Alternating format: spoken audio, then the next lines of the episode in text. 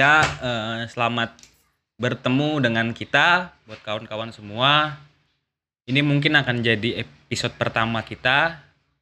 Eh, mungkin kawan-kawan yang bertanya-tanya gitu, kenapa sih akhirnya gue dan kawan-kawan bersepakat untuk bikin wadah buat ngobrol ataupun bicara-bicara.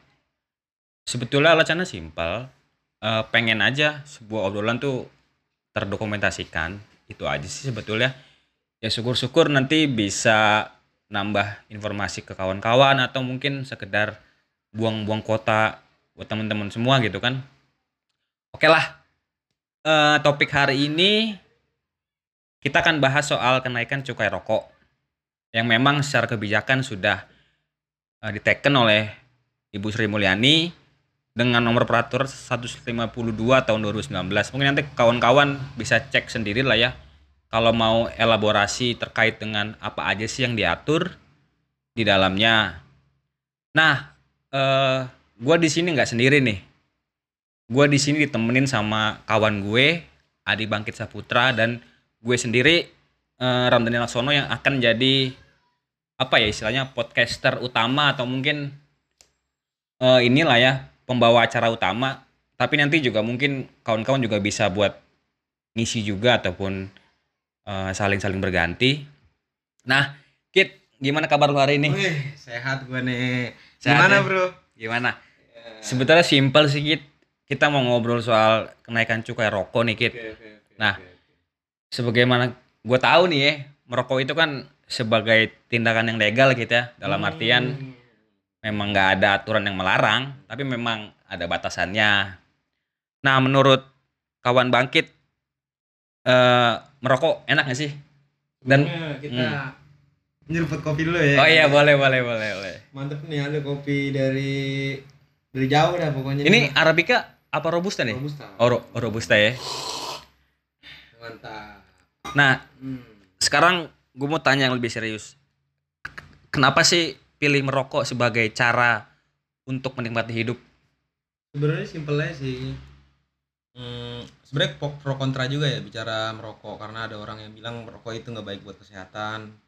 Gue sepakat itu. Tapi di satu sisi juga merokok juga nggak bisa kita lepaskan dari sejarah juga kayak gitu bahwa apa namanya aktivitas merokok itu udah menjadi budaya bahkan sudah menjadi apa namanya bagian dari kehidupan ekonomi dan sosial masyarakat Indonesia Jadi sangat mengakar kuat lah ya Meng- mengakar kuat dalam Artinya, pergolakan sejarah gitu-gitu kan. iya memang kalau untuk merombak kebudayaan itu agak sulit walaupun memang bisa Iya. bisa bisa lah maksud nggak bisa kan juga kita sepakat bahwa kesehatan itu paling utama tapi terlepas dari itu kita kan konteksnya sekarang nggak bahas soal baik buruk rokok kan Oke, benar benar benar ya, benar. tapi kita bahas soal cukainya bener nggak Betul. Nah, gitu. gini Kit, sebagaimana yang dilansir dari berbagai media gitu kan yang sempat saya himpun sebelum ngobrol sama Bangkit, sebetulnya alasan utama dari pemerintah naikin cukai rokok itu sebetulnya ini sih Kit, untuk mengurangi jumlah perokok. Nah, dilematisnya gini Kit. Gue memandang hari ini ya, gue perokok juga dan lu juga perokok. Kita tuh jadi kayak awkarin Kit. kenapa Ya salah mulu gitu loh. oh gitu Dalam artian dosa lah ya Iya Kit, rokok itu nyumbang duit ke negara kan gitu, Iya. banyak banget jumlahnya. katanya juga kan BPJS itu juga Ditalangin juga kan. talangin Nah, juga kan makanya jadi kayak serba salah nih Kit, jadi perokok di Indonesia gitu kan. Nah, menurut lo apa namanya alasannya tepat nggak sih buat naikin cukai rokok? sebenarnya kalau bicara alasan pemerintah naikin cukai rokok itu untuk mengendalikan Jumlah konsumsi perokok, ya. atau jumlah perokok ya gue sih nggak nggak menyalahkan sepenuhnya sih oke oke Hmm. aja Terus Tapi kalau bicara soal naikin cukai rokok untuk meningkatkan taraf kehidupan ekonomi masyarakat Indonesia, gue pikir itu langkah yang belum bisa dikatakan tepat lah. belum bijak lah ya. Iya, belum bisa dikatakan tepat. Karena sebenarnya ada yang lebih mengakar lagi yang bisa dilakukan pemerintah untuk meningkatkan taraf penghidupan ekonomi. Contohnya masyarakat. dong kasih. Ya gampang aja sih kalau bicara soal tembakau, soal apa namanya cukai hasil tembakau. Iya, iya. ya kan apa namanya pemerintah kalau mau meningkatkan taraf kehidupan ekonomi masyarakat nggak usah bicara soal naikin cukai dulu Hmm, coba tapi pemerintah komit nggak untuk mengendalikan impor tembakau oke, itu juga jadi isu yang krusial ya. iyalah karena jelas ada peraturan perindustrian kalau nggak salah ya Hmm, Nah, Kemenprin ngeluarin peraturan 2017 kalau nggak salah itu tentang pengendalian impor juga impor tembakau. Iya, Tapi oke. kan sampai saat ini itu belum diterapkan. Jadi hasil apa namanya eh, tembakau di Indonesia ini itu baru 50% diserap Oke. oleh industri-industri rokok. Sementara 50 persennya lagi itu dari impor. Oke. Gitu. Gampang aja dari situ aja dulu berani nggak pemerintah mengendalikan impor tembakau. Harus melawan kebijakan-kebijakan apa namanya eh, perdagangan bebas misalnya. Kan karena ada kesepakatan perdagangan bebas jadi ekspor impor itu kan bebas juga kan katanya nggak kena pajak dan segala macam. Iya sih memang. memang Di situlah betul, betul, betul. posisinya petani kecil, petani gurem, petani tembakau harus melawan kebijakan yang yang kalau kita bicara hari ini ya ya super global yang monopolistik gitu. Oke oke Karena oke. bebas masuk Gua- barang, keluar barang bebas. Gua dapat poin lo kit. Gua dapat poin lo. Intinya yang lu bilang adalah eh, sebetulnya ada hal yang lebih krusial gitu kan satu. dibanding atau eh, daripada sekedar menaikkan cukai kan gitu. Iya. Oke, sekarang gue pengen coba kita apa namanya berpikir ke depan ya. Kira-kira per 1 Januari gitu kan. 2020 itu kan akan mulai naik nih harganya nih. Mm-mm. Nah, Kira-kira menurut lu ada nggak sih dampak buat pabrik gitu? Kalau buat pabrik pasti ada dampaknya. Oke. Pasti ada dampaknya. Nah, yang yang mau kita telah dampak apanya dulu nih? Dampak terhadap ke- keberlangsungan pabrik dong. Hmm. Tentunya kan di dalam pabrik kan ada pegawainya, ada petaninya juga kan gitu. Nah, kira-kira men- menurut lu ada nggak sih yang nanti akan berdampak gitu loh? Yang secara sistemik gitu. mungkin logika gini ya kalau cukai dinaikin berarti kan harga rokok na- naik di pasaran Betul, betul, Iya kan? itu pasti. artinya kan ongkos produksinya juga nggak bisa tetap harus Betul. dinaikin juga kan gitu Betul, betul. nah dia pasti kan ngambil apa hasil tembakau ngambil tembakau mentah kan dari petani Iya. nah itu mungkin berdampak banget Jadi eh, kemungkinan ada pengurangan jumlah yang dibeli lah ya Iya, terhadap petani bisa. gitu ya. justru bisa me- me- apa ya membuat daya serap apa namanya pembelian hasil produksi tembakau terhadap petani itu malah justru menurun karena adanya cukai itu Oke, bisa oke. jadi yang Oh, iya. dipilih adalah tembakau impor yang lebih Impor murah lebih murah. iya Tapi iya kita masuk akal iya bener-bener. Kan Tapi kita gitu. melupakan petani kita yang memang Iyalah, sudah menanam kan begitu. iya. Itu mungkin dampak ah itu dari salah pabrik satu ya. kontra juga Iya. itu dampaknya Itu mungkin bisa jadi dampak gitu kan. iyalah jelas itu Dan memang gini Kit ya, kita berbicara soal petani tembakau, Iya. tentu kan keberlangsungan hidupnya kan nggak lepas dari, dari dua faktor menurut gua ya. iya benar benar Pertama adalah faktor cuaca, Hmm. dan yang kedua adalah faktor, faktor kebijakan dari pemerintah itu sendiri Itu, ya betul, kan. betul, betul. Makanya eh, men- menurut gue juga sepakat sih apabila cukai naik pabrik pasti berdampak. dampak ke terhadap petani juga terhadap buruh Nah, pabrik juga kita akan melompat ke situ Kit, Ah. ngomongin buruh ya. iya Cuma sebelum kopi dulu ya Wih, Saya- co- cocok banget. Cuma sebelum kita melangkah eh, terkait dengan dampak kepada buruh, gue sih pengen nge-share sejumlah ini sih Kit. apa, Apa tuh? data yang gue himpun. oh, ada Jadi data ya gue dapat dari bea cukai sih. Hmm. dari bea cukai. Jadi sejak tahun 2012 itu jumlah pabrik rokok itu sekitar 1.500-an dan Hmm. 2017 tuh turun drastis Kit. Jadi sekitar 470-an lah. Nah, Berarti mungkin sampai nanti lebih dari 50 persen betul Kit. Makanya jika nanti cukai naik kan ya menurut gua pasti sih ya ter mungkin ini pabrik pabrik dalam skala industri yang besar atau skala kecil atau gimana eh, pabriknya menengah. oh menengah Iya, yang yang dibilang bea cukai sih menengah. Jadi bukan yang rumahan gitu-gitu deh. tapi itu bisa jadi salah satu faktornya juga Hmm. Akibat kalah bersaing dengan industri-industri besar Iya, kayak jadi, mungkin kan? Philip Morris dan sebagainya ya. Iyalah, karena saking apa namanya ketatnya persaingan. Betul. Tapi lebih tepatnya bukan persaingan sih, monopoli sih sebenarnya. Monopoli ya. Iya, kalau bicara perdagangan hari ini ya tahapnya udah bukan persaingan lagi monopoli. Ya mereka punya modal yang banyak tuh toh. Iyalah, Modal, teknologi yang lebih maju, Iya. kan.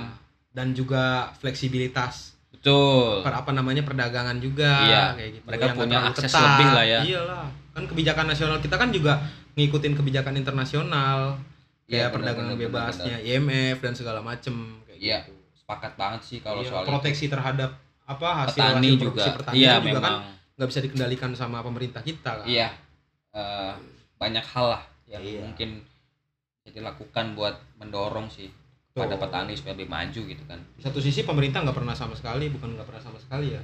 Mungkin nggak ada kepikiran buat meningkatkan taraf hidup ekonomi masyarakat. nah terus selama ini mikirin petani. apa kit ya mungkin ya nggak tahu oh milih nih kursi menteri dulu ya Mungkin, oh iya ya milih kursi mungkin. menteri wakil menteri habis itu milih apa komisaris kan BUMN ya katanya ada reforma agraria tuh Waduh. itu yang katanya mau me- mendobrak struktur penguasaan dan pengelolaan apa namanya eh, pertanian Indonesia gitu kan. Tapi kayaknya enggak lah itu hanya bicara sertifikasi ya iya sih kit. Sertifikasi. Gua hari ini juga macam-macam baca zaman sih. Belanda lah zaman Iya, gua juga hari ini baca pernyataan di apa dari KPA gitu kan Iya. Iwan Nurdin bahwa ya ternyata reforma agraria yang dicanangkan ya cuma sekedar bagi-bagi doang Ya iyalah. tapi tidak merombak struktur. Iya.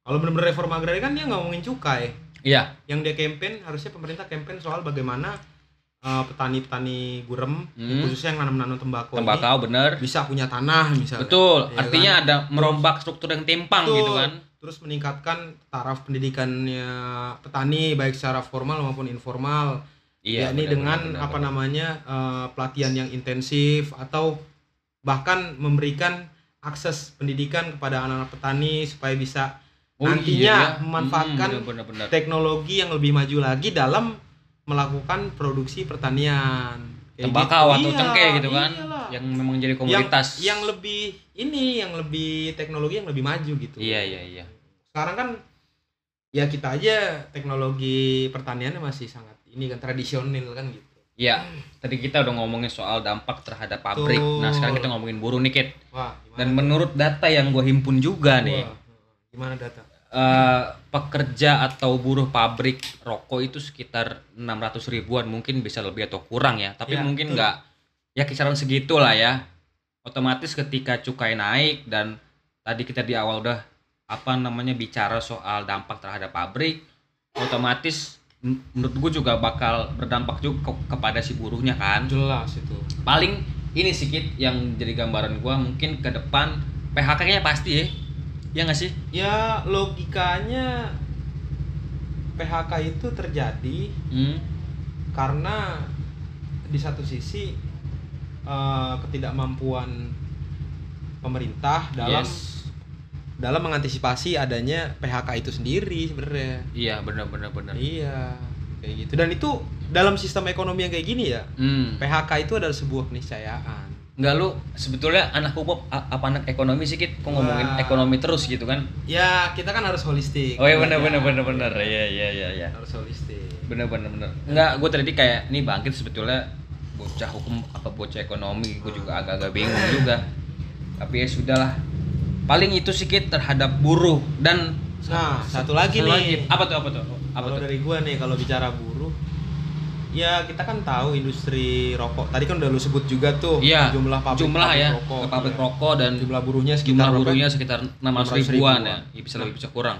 Buruh yang jumlahnya segitu banyak hari ini nggak ada jaminan apa namanya kehidupan yang layak. Betul gitu salah betul, satunya betul, nih salah satunya yang kalau menurut gua itu hmm. ya adanya peraturan pemerintah tentang pengupahan eh pengupahan ya? Ya nomor Oke. 78 tahun 2015 2015 kan jelas di situ kenaikan upah dalam lima tahun sekali hanya 10% 10% lah. Iya. Paling maksimal. Hmm. dan upah itu ditinjau dilihat dari inflasi, inflasi nasional, dan PDB betul, betul. bukan survei kebutuhan hidup layak yang real. Iya iya. Yang memang dibutuhkan oleh buruh dan masyarakat. Hmm. nah artinya tidak melihat kondisi real ya upah upah minimumnya ya segitu-gitu aja gitu Iya. nggak lebih dari 10% padahal misalnya harga-harga barang pokok itu cabai terus ibaratnya minyak naik lah ya BBM bahkan kan subsidinya semakin ke sini semakin dikurangi bahkan akan dicabut kan kalau kita lihat beberapa apa namanya eh, perjanjian-perjanjian internasional Iya, kayak kemarin iya, iya. pertemuan IMF yang kemarin-kemarin itu kan juga Yang di Bali bukan ya? Iya yang di Oh, Bali iya, kan iya. itu pemerintah Indonesia disaranin sama IMF nih obatnya nih kalau lu mau ngatasi apa namanya kemerosotan ekonomi lu harus kurangin subsidi bos Loh, kan gitu. jadi sebetulnya yang sakit tuh kita gitu ya. Ya. Kok dikasih resep gitu loh. Nah gitu. Apa gimana? Gitu ya kan. Nah, kurangin subsidi. Nah, Kit, dari jumlah yang tadi gue sebut sekitar 500 ribu atau 600 ribu itu kan mayoritas perempuan nih, Kit. Hmm, Ya iya kan? benar. Itu kalau kita lihat Nah, di industri perempuan rokok, kan ya. Sigaret kretek tangan emang perempuan. Rokok-rokok kretek lah ya. Nah, sama mesin juga iya. sekarang. Betul. Nah, kan apa Kit ya? Menurut gua akan juga berdampak pada mereka sih, terutama ngomongin jam kerja sih, Kit. Jelas. Semisal eh, mereka ini kan di di hire atau di dikerjakan berdasarkan jam kerja gitu kan. Artinya dia dalam berapa jam sekelompok orang itu bisa menghasilkan berapa ribu batang kretek kan gitu. Iya, nah, apabila jamnya dikurangin kan otomatis pendapatan dia juga berkurang kan. Hmm. Nah, makanya apa ya menurut gua eh, cukup berdampak juga sih Kit sistemik juga sih terhadap kenaikan cukai rokok Jelas. kepada semua aspek kehidupan gitu loh. itu yang harusnya dipikirin juga itu sama pemerintah sebelum mengeluarkan sebuah kebijakan jangan sampai kebijakan yang dikeluar itu yang dikeluarkan itu justru nggak bijak Iya, jadi nggak bijak benar, benar. jadi nanti yang nongol bukan kebijakan tapi ketidakbijakan kan gitu Iya. gua udah mulai suka kalau kawan gue ini Iya lah. ngeluarin quote-quote yang Nah, memang gitu gitu kadang nyeleneh gitu. Nah, Nah, yang tadi gua singgung di awal Kit soal kenaikan cukai rokok kan eh, menuai tuh, apa banyak hal yang suka ataupun gak sepakat kan Iya. gitu ya. Nah, dari berbagai kalangan gue coba ngehimpun nih ada satu pendapat ekonom gitu kan. Nanti kawan-kawan bisa cek juga di media.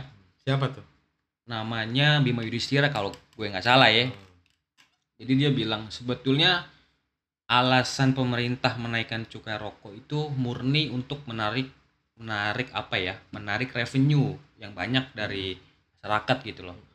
Dia berpandangan bahwasanya ternyata sektor PNBP gitu kan sebagai salah satu apa namanya apa sih ya is- istilahnya itu Kit, PNBP itu pendapatan negara lah Iya. kas mas apa namanya sebagai salah satu sumber pendapatan pendapatan negara negara. selain pajak kan Selain gitu pajak. memang belum bisa maksimal Iya. contoh di bidang migas dan berkali-kali juga Faisal Basri bilang juga di media bahwa memang PNBP kita belum bisa mencapai target yang bagus. Betul. Nah, makanya mungkin menurut si Bima Yudhistira ini ah kayaknya naikin cukai supaya buat narik sebaik banyaknya deh. Nah, iyalah ya gila aja nih masyarakat kan gitu. lu bayangin aja Agustus 2019 ya kan Hmm, pendapatan negara dari cukai rokok itu Hmm. udah sampai 77 triliun salah, Bos. dari target 154 Oh iya bener-bener. dari target 154 sampai 155 Itu triliun tahun berapa tuh? Itu 2019 Agustus Eh, target tahun ini tuh 154 Iya, dari iya. triliun nah Agustus tuh udah sampai 77 Oh iya, iya. dan gue tambahin lagi nih. nah nggak tahu kalau bulan ini Menurut Ibu Sri ya? Mulyani bahwa pendapatan cukai tahun ini adalah pendapatan terbesar sejak tiga tahun yang lalu. Iya. Jadi memang apa namanya cukai ini memang apa ya istilahnya barang yang seksi gitu kan Iya. buat di buat diolah gitu loh karena memang ya karena tadi lu bilang ya mungkin merokok adalah sebagai cara menikmati hidup. Begitupun gua juga bersepakat. Jadi banyak orang yang ngerokok di Indonesia gitu kan. Memang angka perokok di Indonesia juga lumayan tinggi kan gitu jika dibanding dengan negara lain. Tapi kalau ngomongin bahaya ngerokok sebetulnya bahaya sih masih gitu ya? Ya tanya dokter sih yang lebih Tanya- tahu. tanya kalau dokter gue ya. sih sepakat bahaya juga. Bahaya sih iya sih Kit. Hmm. tapi ini juga Kit ya pembunuh nomor satu di Indonesia kan bukan rokok Kit kanker gitu. Oh kanker ya Kanker, kalau rokok enggak ya? Eh tapi kan rokok juga kanker paru-paru ya. Nah, jadi ya banyak pro kontra cuma ya bagi yang merokok ya lebih santun lah ya apa merokoknya gitu lebih kan. santun dan lebih santuy. Lebih santuy. Yoi. itu sih paling Kit cuma kita ngomong ini deh apa stigma stigma Hmm. terhadap orang rokok lu pernah gak sih kayak ih lu kok beli rokok mentol sih kayak itu tuh. Hmm. lu ngerokok kretek kayak orang tua Ada, lu. iya iya gak sih gitu, iya, bener. lu gimana sih kalau memandang apa stigma stigma itu? Ya stigma ya jadi stigma aja gitu loh. Gitu ya. Jadi bukan jadi sebagai kenyataan bahwa orang si A harus rokoknya harus ini si B harus ini enggak juga lah. Jadi nggak perlu diseriusin lah ya. Iya nggak perlu serius cuma kadang ngeselin juga kit. Maksudnya kadang ya gue pernah sih beli rokok kecil gitu kan yang yang ada yang bisa dipencet gitu kan terus bilang Itu rokok apa-apaan bisa dipencet ya itu yang ada rasa rasanya Oh, rasa rasa- buah gitu kan Rasa bayar gratis. Iya. cuma enak bilang ih lu beli rokok gituan kayak ini lu kayak cewek-cewek itu tuh Hmm. bilang ih lah kenapa gue bilang Hmm. merokok kan kayak lu milih kopi ya lu sukanya kopi leong ya lu, ya lu beli kopi leong kan gitu Hmm. nggak usah lu beli kapal api kan gitu ya maksudnya ya kadang apa ya ya udahlah maksudnya Hmm. Stigma kan juga nggak mengabarkan ini ya Iya. secara penuh realitas yang ada Iya, itu sih kita nggak ngomongin apa lagi nih tapi kayaknya kita terlalu cepet nggak sih ngobrolnya Enggak sih, nggak ya cukup lama juga nih kopi gue udah mau habis nih. oh iya Ini udah tadi udah tinggal ampas doang ya. Iya. nah kit gua kepikiran opsi nih kit Apa tuh? bila ntar cukai naik Mm-mm. pertama Benting rokok. kan Kayak Beli- rokok. Itu juga iya sih kit Ah. sebetulnya kalau sanggup, kalau sanggup gitu kan cuma kalau gue sih kalau butuh. Tapi kalau gue sih bisa sih. bisa sih gue Kayaknya. tapi yang ngurangin aja Udah gitu sering. Udah Nggak sering. Udah sering benting rokok. serius lu Hmm. apa lu nge-vape Enggak, udah sering gua. Kadang-kadang gua kalau udah habis rokoknya berhenti. oh iya iya iya iya gue juga begitu sih Iya benar. Terus alternatifnya apa? nih lu ini gak sih pernah apa namanya membaca gak sih kayak muncul apa rokok-rokok baru gitu kan yang harga lebih Vape. murah bukan Tembakau, lu tau gak sih lintingan. waktu itu gue pernah bawa rokok Philip Morris Iya, iya, iya. ya itu kan murah kit maksudnya Bisa ya dia produksi segitu murah. maksudnya dibanding membelikan apa produk Philip Morris yang lain yang lebih mahal Hmm. yang mending gue beli produk itu nah cuma memang rasanya berkurang nah itu mungkin jadi opsi kit jadi beli produk baru yang memang harganya lebih murah nah tapi secara rasa mungkin ya inilah ya Enggak banget lah. agak Kurang lah. agak ag- agak berkurang Nah, nomor dua adalah beli rokok ilegal kit Emang ada ya? tau gue sih ada kit Ilegal itu maksudnya apa? yang enggak Rokok yang melawan hukum. iya iya iya bener Rokok kit bisa melawan hukum. bisa kit semisal nggak ada cukainya kan itu kan juga Oh, maksudnya yang itu yang ilegal yang gitu. ilegal nggak ada cukainya atau nggak melewati apa dan sebagainya gitu dan Oh iya rokok-rokok di daerah-daerah banyak tuh kayaknya. nah itu yang maksud gue yang Kit. biasanya di belakangnya tuh ada bacaan eh, mohon doanya Nah. agar ini eh, industri rokok kita berkembang gitu-gitu. iya kan gue sering nemuin juga Tapi tuh Iya banyak tuh. Kayak tapi itu gitu-gitu. pilihan aja sih buat kawan-kawan Tapi enak kita juga cuma ngasih sih. opsi gitu kan dan yang ketiga adalah melinting sendiri gitu Hmm. atau istilahnya tingwe gitu. linting dewe. linting dewe Itu nah gua udah sering tuh. Weh. itu. ceritain dong coba eh, kapan sih lu mulai ngelinting sendiri gitu kan Wah, itu gue dari zaman kuliah tuh. kuliah Iya udah, ya enam tahun lalu lah. lu tua juga buat sekarang ya Enggak juga. oh sih. enggak juga oke oke oke Gua ada langganan dulu di Purwokerto. Langganan tukang tembakau. kan gue juga pernah ke situ Oh, sama iya, lu bener, bener, bener. Itu di situ lah. Nah, alasannya kenapa sih mencoba ngelinting sendiri gitu kan? unik aja sih. Pertama unik, yang kedua Hmm, ya lebih enak rasanya dan lebih murah. Tapi Lebih ada juga murah. yang lebih mahal. ada yang lebih mahal ya. Ada yang lebih Jadi mahal. nggak semua apa namanya Nggak semua semua yang rokok lintingan itu itu ini ya Iya. murah, murah dan nggak enak ya. Iya lah, ada juga yang mahal. Ada juga yang mahal ya. Tapi lu ngerasa puas nggak sih semisal lu, lu ngelinting sendiri gitu kan terus, wih, gue jago juga ngelintingnya dan lu isep tuh, wih enak nih. Iya. Bahkan gua ada titik di mana gua udah nggak masuk lagi rokok-rokok pabrikan tuh. Oh lu pernah begitu ya? Iya pernah di titik itu gua bener-bener ya udah nggak enak. Pertama udah gak enak dan gua udah ngerasa "Ya ngapain gua beli rokok pabrikan Iya. kayak gitu toh gue bisa beli tembakau di petaninya langsung atau ke tangan kedua gitu kan Iya, ke bakul-bakul atau pedagang-pedagang kecil gitu kan Ah, timbang gue beli rokok di apa rokok pabrikan Iya. pabrikan nambah gede nambah gede nambah, nambah gede Iya gitu benar kan. benar benar benar. Makin kaya orang gua Tapi lu kan punya pernah peng- punya pengalaman kan ngerokok sendiri sendiri kan. Emang gue pengen nanya nih tembakau apa aja sih yang pernah lu coba? Misalkan wah banyak dari banget daerah bro. mana gitu. Dan lu sebutin deh tiga tembakau terbaik yang pernah lu isep. Pertama itu tembakau banaran. Banaran. Wonosobo. itu Wonosobo ya? Eh itu jangan eh, jangan banaran. apa tuh apa tuh? Stieng stieng. Stieng. Nah. coba ceritain deh itu Wonosobo. tembakau model apa sih? Kalau kalau tembakau stieng itu dia modelnya bako iris, tembakau iris kalau orang Solo nyebut ya. Tembakau iris. Tembakau iris. maksudnya gimana tuh Dia modelnya tuh bukan kayak serabut-serabut gitu Heeh. tapi modelnya kotakan gitu Oh kotak jadi harus diiris-iris Iya, gitu ya. iris-iris pas beli juga lu diiris pakai golok tembakonya bukan Oke, lu nya yang diiris Oke. tembakonya yang diiris pakai golok Dari Nanti- sisi rasa gimana tuh? Setia yang tapi ini. lu dia dia itu teksturnya agak agak lembut jadi Agak memang perlu lembut. di ini sih perlu di apa sih Diurai-urai dulu ya. dulu ya nanti baru kasih menyan tuh Kasih puih. wah mantap tuh Mantap tuh ya. karena Wonosobo kan cenderungnya dia Dingin gitu kan. dingin jadi mbaknya yang keras keras Hmm, Jadi butuh yang agak-agak nampol gitu agak kan. nampol agak nendang agak apa ya bahasanya tuh mangkel lah Mangkal ya. mangkel iya. mandan mangkel kalau kata Mandan orang. mangkal. Tapi lu pernah beli kan waktu di Wonosobo gitu? pernah pernah Dan berapa Iya. sih harganya kisarannya aja gitu? Itu 20 eh itu cuma sekotak kecil harganya 30 ribu apa berapa Mahal juga sebetulnya ya. lumayan belum menyan menyan juga mahal Menyan menyan juga mahal. ya. Oh ya belum cengkehnya ya. cengkehnya Oh, pakai iya. cengkeh biar anget-anget dikit tenggorokan ya kan Benar benar benar. terus yang kedua tembakau Yang kedua.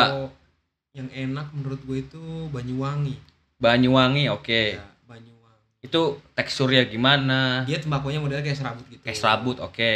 Nah, dia basah warna kuning Warna kuning. dia macem-macem ada yang agak tapi dia lebih ke kering tapi agak lembab dikit Agak-agak becek dikit lah ya. nah kalau yang ketiga itu ada tembakau boyolali enak menurut Boyolali. Oh itu itu gue sering coba tuh. ya boyolali itu warna agak gelap agak dia. gelap dan agak-agak lembab gitu agak kan. lembab agak lengket karena dia dimasaknya pakai gula Pakai gula oke. pakai gula juga jadi rasa manisnya juga keluar dia Dapat lah ya. dapat tapi lin, apa ngelintingnya juga agak ini harus pelan-pelan Pelan-pelan ya. karena lengket dia kalau terlalu ini nggak bisa diisep tapi tembakau yang lain juga gue udah pernah nyobain juga sih selain tiga itu Apalagi coba?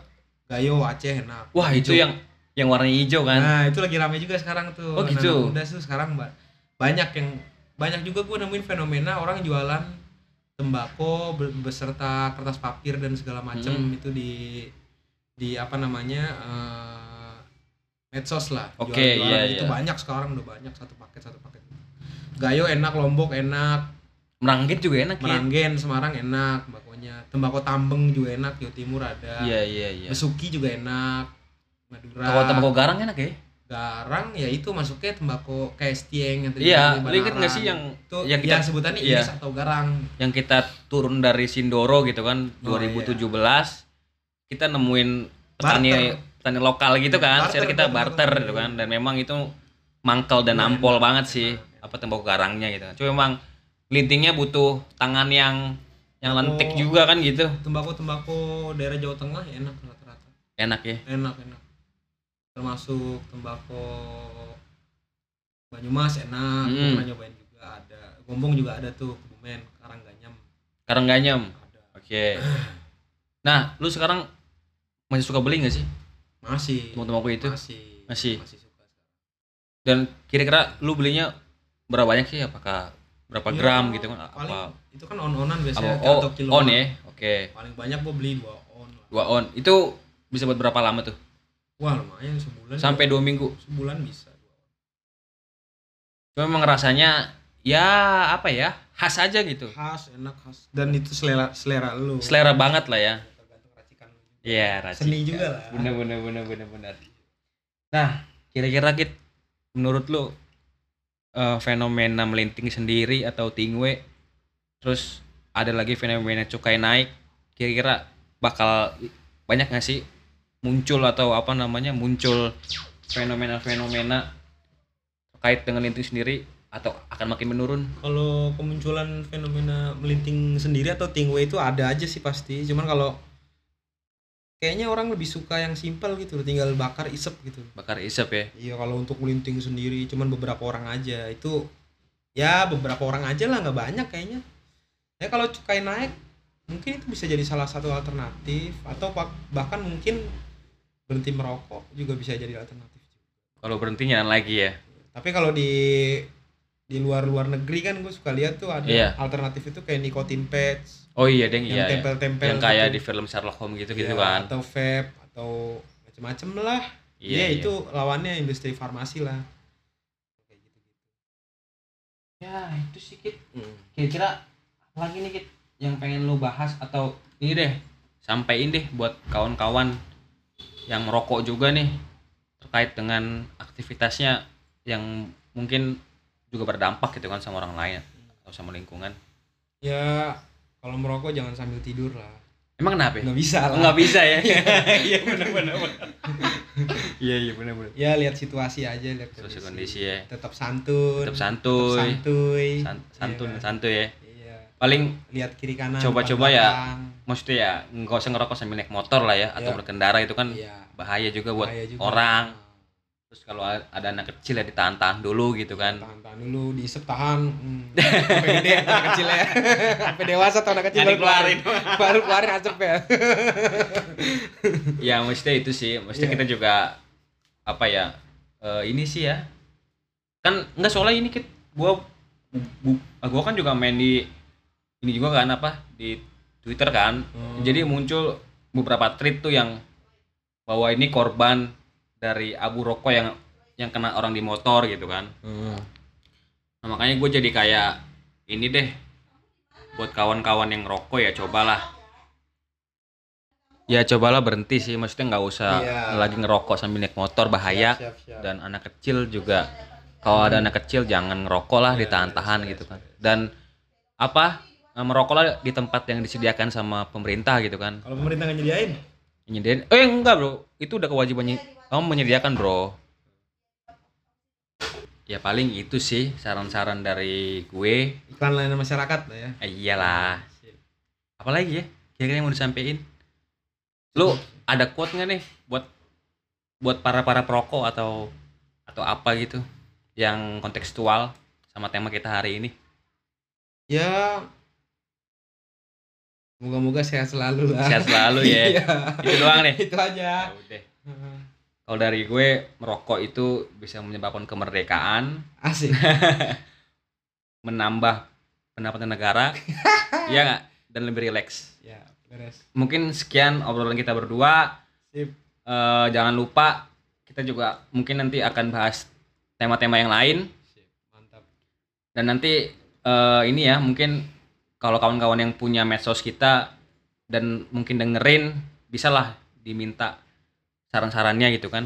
Paling itu sih dari gue Ramdana Sono dan Adi Bangkit Saputra. Ya kita mengucapkan bye. Bye. Dadah